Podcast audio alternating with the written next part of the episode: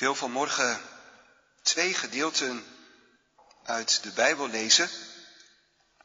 Matthäus 28, de laatste vier versen. En ook dat heel bekende gedeelte uit Marcus 10 over de Heer Jezus die de kinderen zegent. Zo'n heel rijk gedeelte als het gaat over de kinderdoop.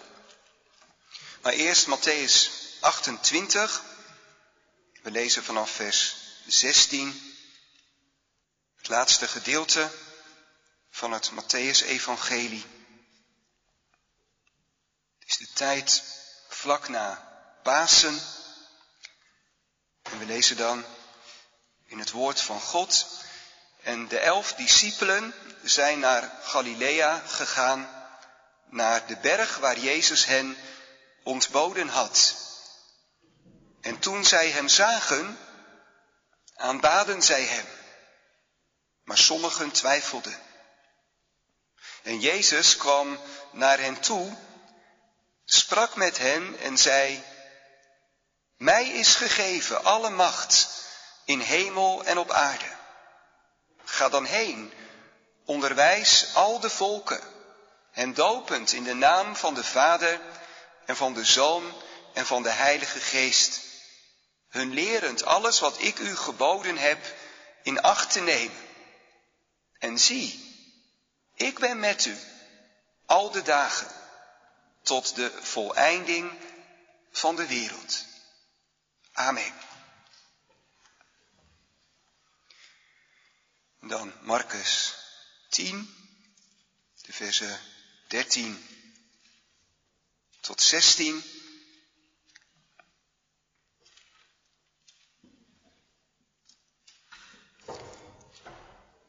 Hier zien we hoe de Heere God tegen kinderen, onze kinderen, aankijkt. Hoe Hij met hen omgaat. Het hele Oude Testament is er al vol van. Dat de kinderen er helemaal bij horen en de Heer Jezus, hij bevestigt dat nog eens in dit gedeelte. Marcus 10, vanaf vers 13. En zij brachten kinderen bij hem. En Lucas vertelt dan dat dat kleine kinderen waren. Opdat hij hen zou aanraken. Maar de discipelen bestraften degene die hen bij hem brachten. Maar toen Jezus dat zag, nam hij het hun zeer kwalijk en zei tegen hen, laat de kinderen bij mij komen en verhinder hen niet. Want voor zodanigen, voor hen, voor mensen zoals zij, is het koninkrijk van God. Voorwaar ik zeg u, wie het koninkrijk van God niet ontvangt als een kind, zal het beslist niet binnengaan. En hij omarmde hen, legde de handen op hen en zegende hen. Tot zover deze gedeelten uit het woord van God. De tekst voor de preek is Matthäus 28, de versen 18 tot 20. Drie dingen komen in dit gedeelte naar ons toe. Allereerst een proclamatie van de Heer Jezus hij vertelt iets over zichzelf. Mij is gegeven alle macht in hemel en op aarde. In de tweede plaats een opdracht. Wordt wel de grote opdracht genoemd. Ga dan heen, onderwijs al de volken, hen dopend in de naam van de Vader en van de Zoon en van de Heilige Geest, hun lerend alles wat ik u geboden heb in acht te nemen en dan in de derde plaats ook nog een belofte. En zie, ik ben met u al de dagen tot de voleinding van de wereld. Een proclamatie, een opdracht en een belofte.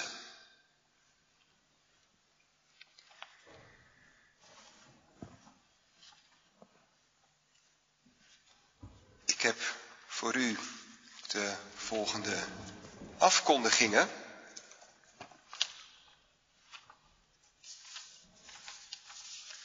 Als ik ze kan vinden. Dus, uh, het gaat in ieder geval over het bemoedigingsmoment, wat ook deze week weer zal plaatsvinden op dinsdagavond half acht. En ook de kerk zal weer open zijn. Morgen, maandag van 9 uur s morgens tot half 11.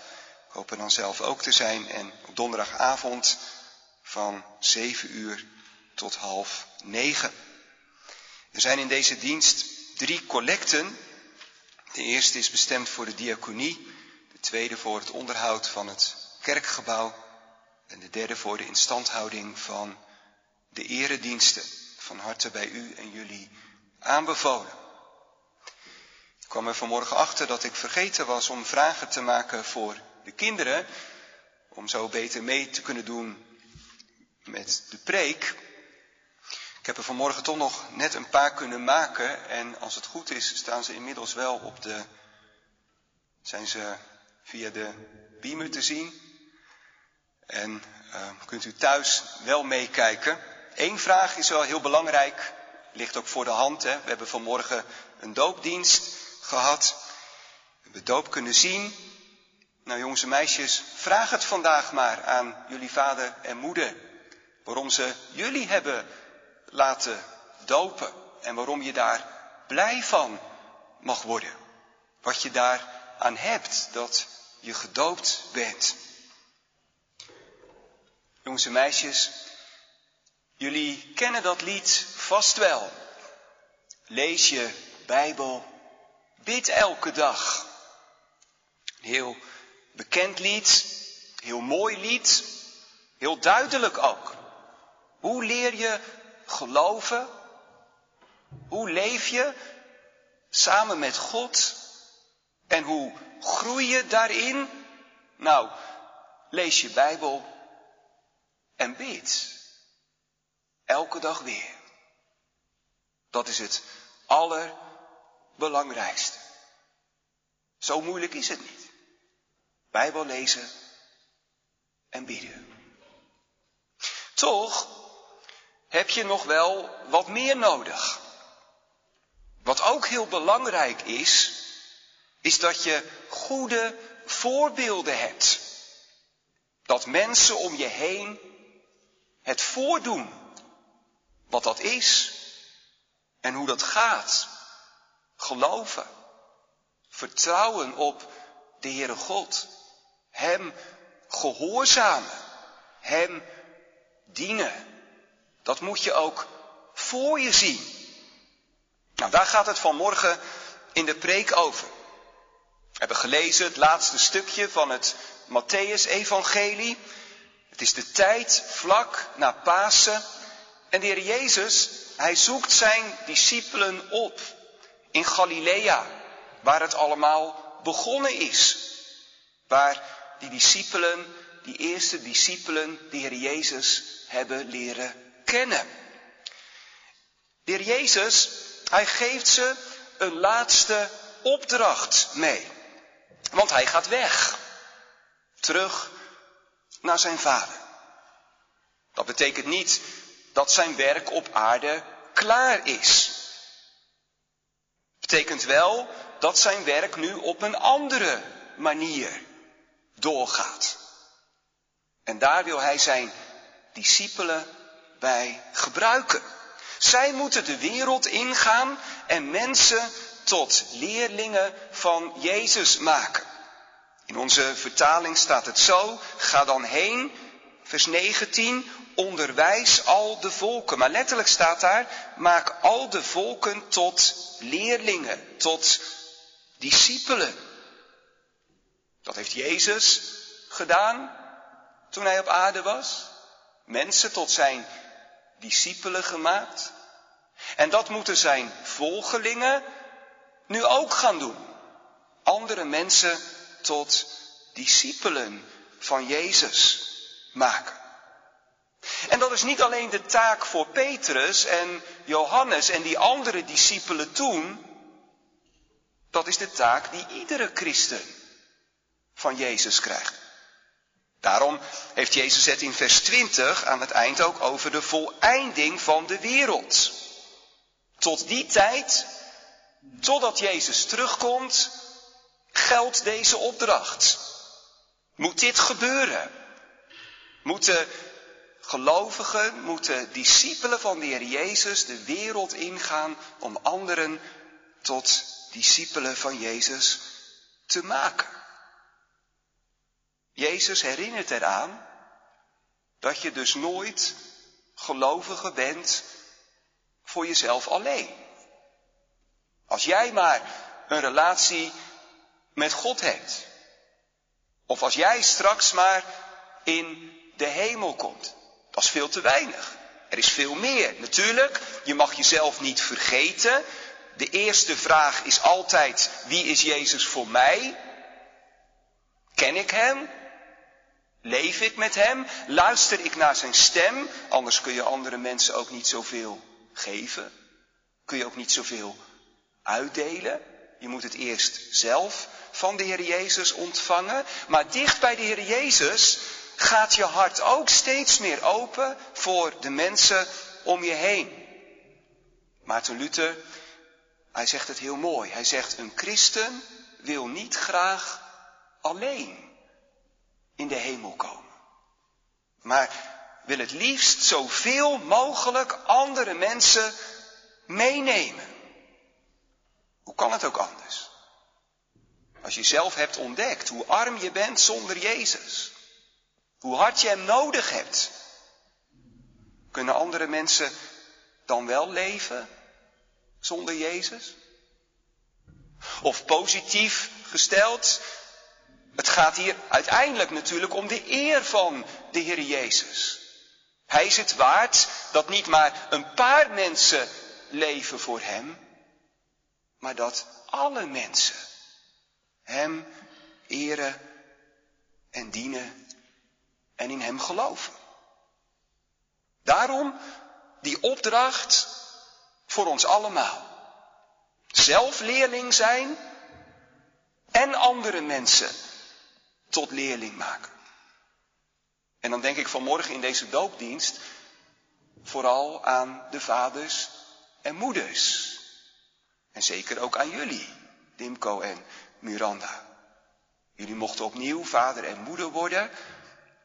Geboortekaartje schrijven jullie ook hoe bijzonder dat is. Overweldigend, onbeschrijfelijk. Feline, ze is meer dan een wonder. Maar dat is dan ook tegelijkertijd een hele grote opdracht van God. Om goed voor haar te zorgen. En dat betekent dus ook, of zelfs vooral, Feline zo opvoeden en zo bij de hand nemen dat ze bij de Heer Jezus uitkomt, dat ze Hem leert kennen en ook een leerling van Hem wordt. En dat is nogal wat. Vooral als je bij jezelf merkt dat dat nogal lastig is, Jezus volgen. Dat je dat zelf ook zo ontzettend moeilijk vindt. Dat er zoveel tegenin komt, ook vanuit je eigen hart. Is niet vanzelfsprekend een discipel van de Heer Jezus zijn. Nou, gelukkig laat de Heer Jezus ons niet over aan onszelf. Hij zegt vanmorgen niet door deze woorden van Matthäus 28, dit is wat ik van jullie vraag, dit is mijn opdracht, en je zoekt zelf maar uit hoe je dat voor elkaar krijgt. Daarom begint hij ook niet met die opdracht. Begint hij met iets anders. Begint hij met een proclamatie. Een bekendmaking. Hij vertelt iets over zichzelf. Alsof de Heer Jezus wil zeggen, voor je iets voor mij kunt doen, voor je mij kunt gehoorzamen, voordat je voor mij kunt leven, moet je eerst weten wie ik ben. En wat ik gedaan heb. En moet je dat tot je laten doordringen. Moet dat echt binnenkomen? Moet je jezelf daar ook steeds weer aan herinneren? Eerst wie Jezus is. Wat Hij gedaan heeft. En dan pas wat Hij van ons vraagt. Zijn opdracht. En wat zegt de Heer Jezus dan over zichzelf? Nou, Hij zegt, mij is gegeven alle macht in hemel en op aarde. Daarmee zegt de Heer Jezus, ik ben almachtig. Er is niets of niemand die zich tegen mij kan verzetten. Uiteindelijk kan niets of niemand mij tegenhouden. In de hemel niet, op de aarde niet. De Jezus staat nooit met lege handen. Wat een troost als je zelf wel heel vaak met lege handen staat. Dat Jezus dit zegt. Mij is gegeven alle macht in hemel en op aarde. De Heer Jezus, Hij kan ons helpen. Hij wil ons helpen. Als Jezus dit zegt, dan vertelt Hij ook dat Hij recht heeft op de hele wereld.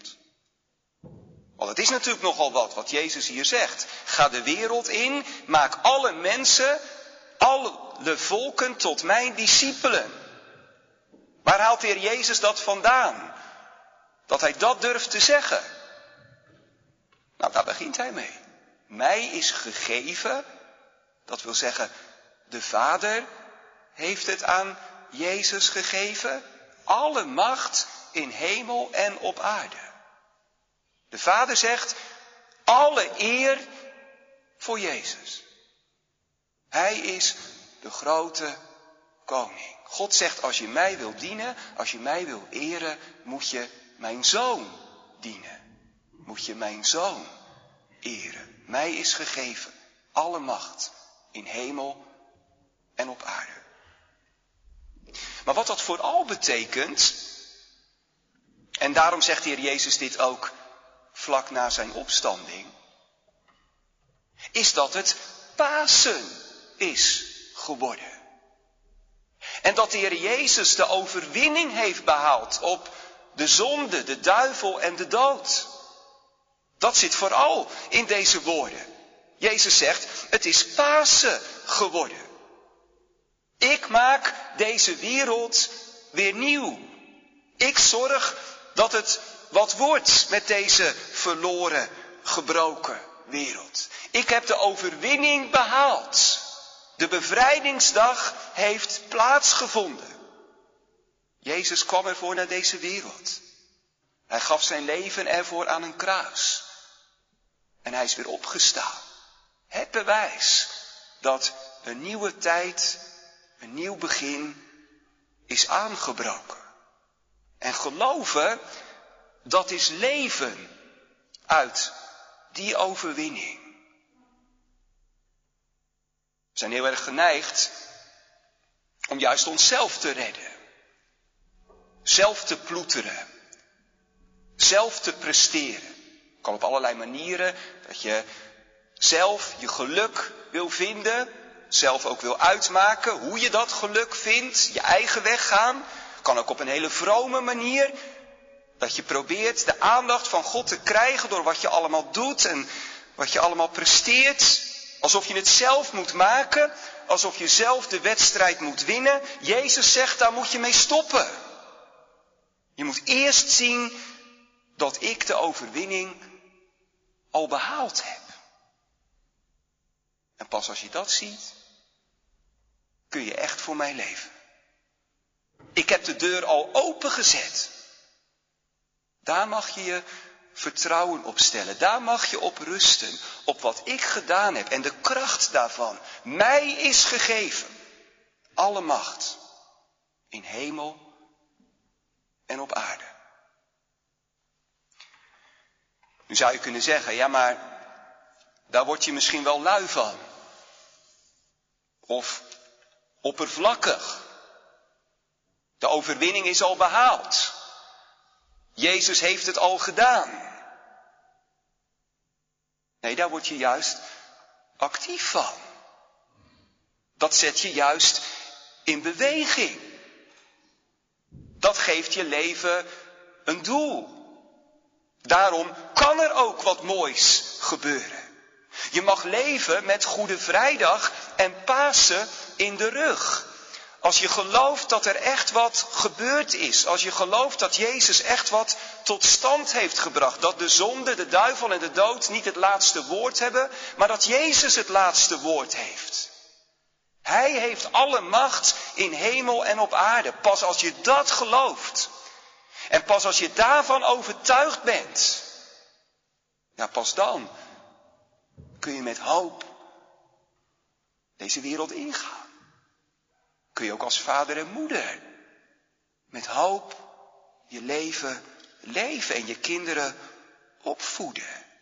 Jezus heeft de overwinning behaald. Hij heeft alle macht en dat maakt hij ook waar. Alleen, dat doet hij wel op een bijzondere manier. En misschien denken we het wel eens. Ja, mooi wat Jezus hier zegt. Mij is gegeven alle macht in hemel en op aarde. Het is Pasen geworden, een nieuw begin. Maar wat zie je daar dan van? Waar zie je dan dat Jezus aan het werk is? En dat hij zijn koninkrijk bouwt? Dat er echt wat veranderd is? Nou, daar moet je ook goed voor kijken. Om dat te zien. Jezus, hij zegt het zelf. Als hij voor Pilatus staat en Pilatus vraagt, bent u een koning? En dan zegt de heer Jezus, mijn koninkrijk is niet van deze wereld. Anders zou ik hier niet staan, zegt Jezus. Dan zouden mijn volgelingen mij wel hebben bevrijd en zouden ze het wel voor me opgenomen hebben met geweld.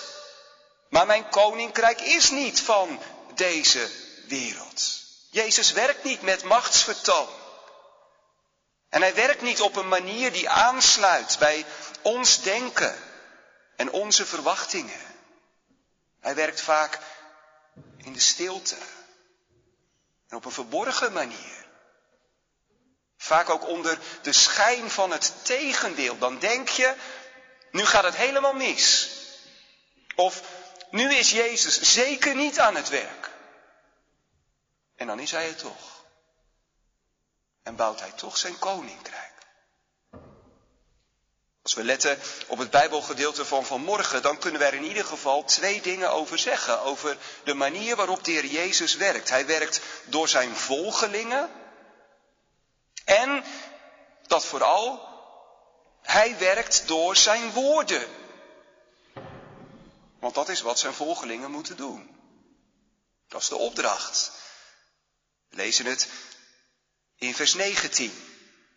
Leer hen alles wat ik u geboden heb in acht te nemen.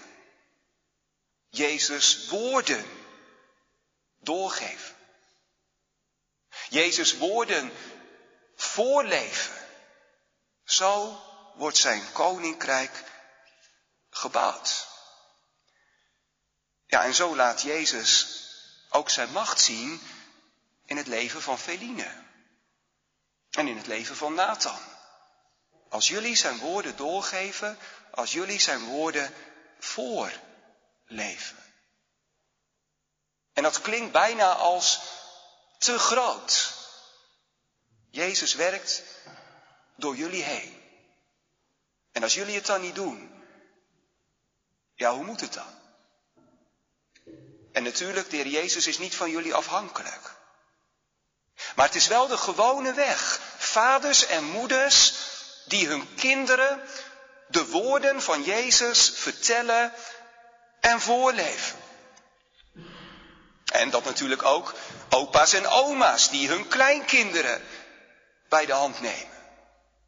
Of vrienden en collega's die hun vrienden en collega's tot zegen willen zijn.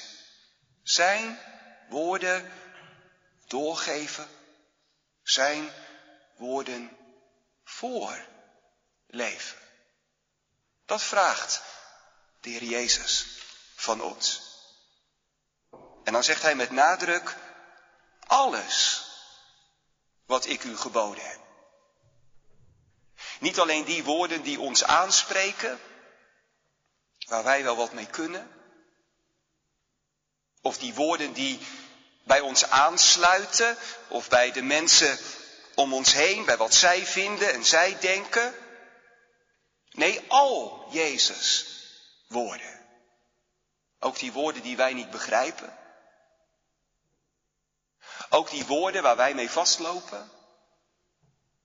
Ook die woorden waar we het eigenlijk niet mee eens zijn.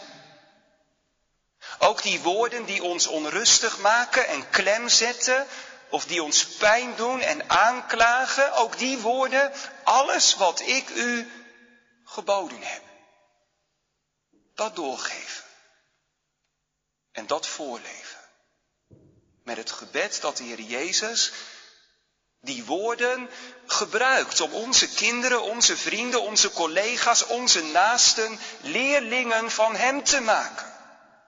En of Hij zo in ons hart en in ons leven wil werken, dat we geen struikelblok zijn voor mensen om ons heen om te geloven, maar dat we juist getuigen zijn van de Heer Jezus. Leesbare brieven, zout en licht. En zo door Hem gebruikt mogen worden. Dat mensen in ons leven zien dat de woorden van Jezus waar zijn. Betrouwbaar. Goed. Dat de woorden van Jezus antwoord geven op onze diepste vragen. Dat de woorden van Jezus gelukkig maken.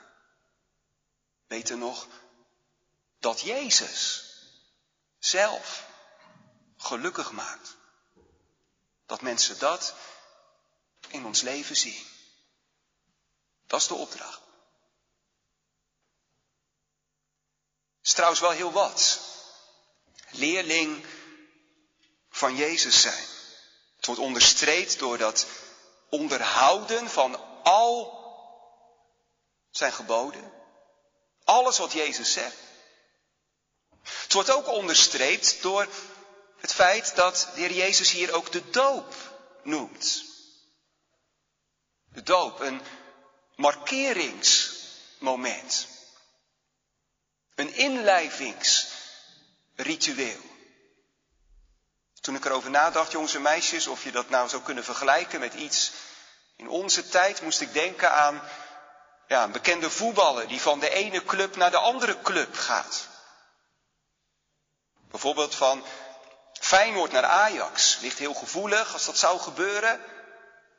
Maar stel je voor dat dat gebeurt. Een voetballer gaat van Feyenoord naar Ajax. Wat gebeurt er dan? Dan is er een bepaald moment, een officieel moment, waarop die speler, die voetballer, dan wordt voorgesteld. Als de nieuwe speler van de club. Met zijn nieuwe voetbalkleren aan, zijn nieuwe tenue. Zo gaat dat. Zo'n markeringsmoment, een soort inlijvingsritueel. En stel je voor dat die voetballer dan het shirtje van zijn nieuwe club, Ajax, zou aan hebben en het broekje en de sokken van zijn oude club, Feyenoord. Dan zou hij wel een probleem hebben. Want dat wordt niet gewaardeerd.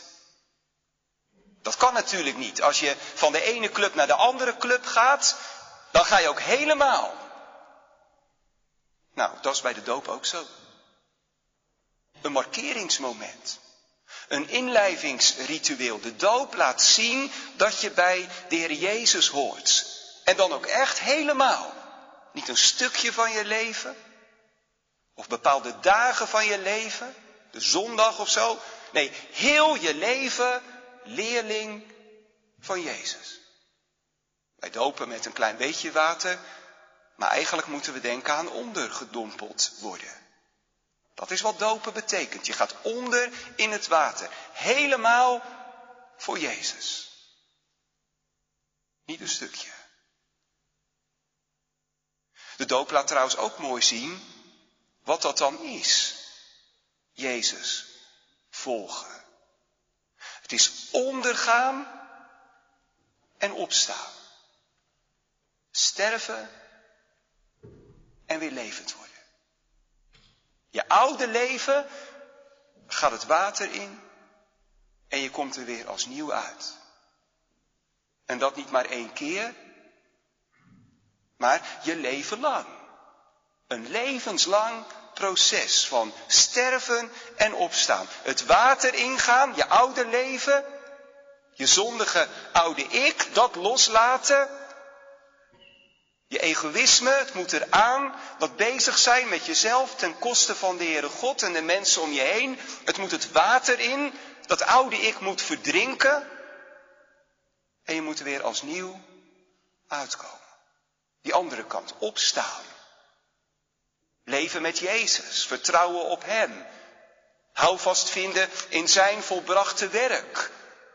Het laten gelden dat die bevrijdingsdag heeft plaatsgevonden. Niet meer in de zonde blijven leven. Je bent opgestaan in een nieuw leven. Dat is wat God in de doop belooft. En leven uit de doop betekent elke dag weer sterven en opstaan. Dat is volgeling van de Heer Jezus zijn. En dan moeten we hier in Matthäus 28 vooral denken aan volwassenen die gedoopt worden. Ze zijn tot geloof gekomen en ze laten zich dopen. Nou, dat was vanmorgen anders. Feline is nog maar vier maanden. En toch, zo hoort er voor de Heere God al helemaal bij. Gods ja gaat voorop. En dan pas komt ons ja. En, zien we heel mooi in dit Bijbelgedeelte, Gods ja staat niet alleen aan het begin, Gods ja staat ook aan het eind. Die opdracht, discipel van de Heer Jezus zijn zelf, maar ook anderen tot discipelen maken, staat ingeklemd tussen die proclamatie aan het begin en een belofte aan het eind. Daar eindigt Jezus mee. En zie, ik ben met u al de dagen tot de voleinding van de wereld. Nou, jongens en meisjes, moet je maar denken aan dat je naar het ziekenhuis zou moeten. Helemaal niet fijn als je dat moet meemaken, maar dat je vader en je moeder dan zeggen, maar wij gaan mee. En wij blijven bij je. Heel de tijd. Totdat je weer thuis bent. Nou, dat maakt nogal verschil. Dat zij erbij zijn. Dat is wat de Heer Jezus zegt. Een hele moeilijke opdracht, zeker. Hij zegt niet, het valt wel mee om mij te dienen. Hij zegt ook niet, je gaat geen moeilijke dingen meemaken, want die gaan we allemaal meemaken. Maar hij zegt wel, maar ik ga met je mee. Al de dagen. Letterlijk staat er zelfs elk stukje van elke dag is Jezus erbij. De zon schijnt en als het stormt. Als je mag groeien in geloof of als je diep gevallen bent. Als je vol vertrouwen bent of als je zo kunt twijfelen en aangevochten wordt. Als je Jezus nabijheid heel sterk ervaart of als het lijkt alsof Hij je verlaten heeft. Ik ben met je. Al de dagen. Elk stukje van elke dag. Van begin tot eind. Wat heb je dan nog nodig? Dan kun je met al je gebrek en tekort toch een leerling van Jezus zijn. En een getuige van Hem zijn.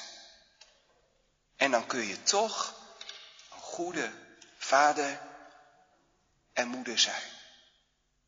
Niet omdat wij zo goed ja kunnen zeggen, maar omdat ja van de Heer Jezus voorop en achteraan. Alle eer voor Hem. Amen.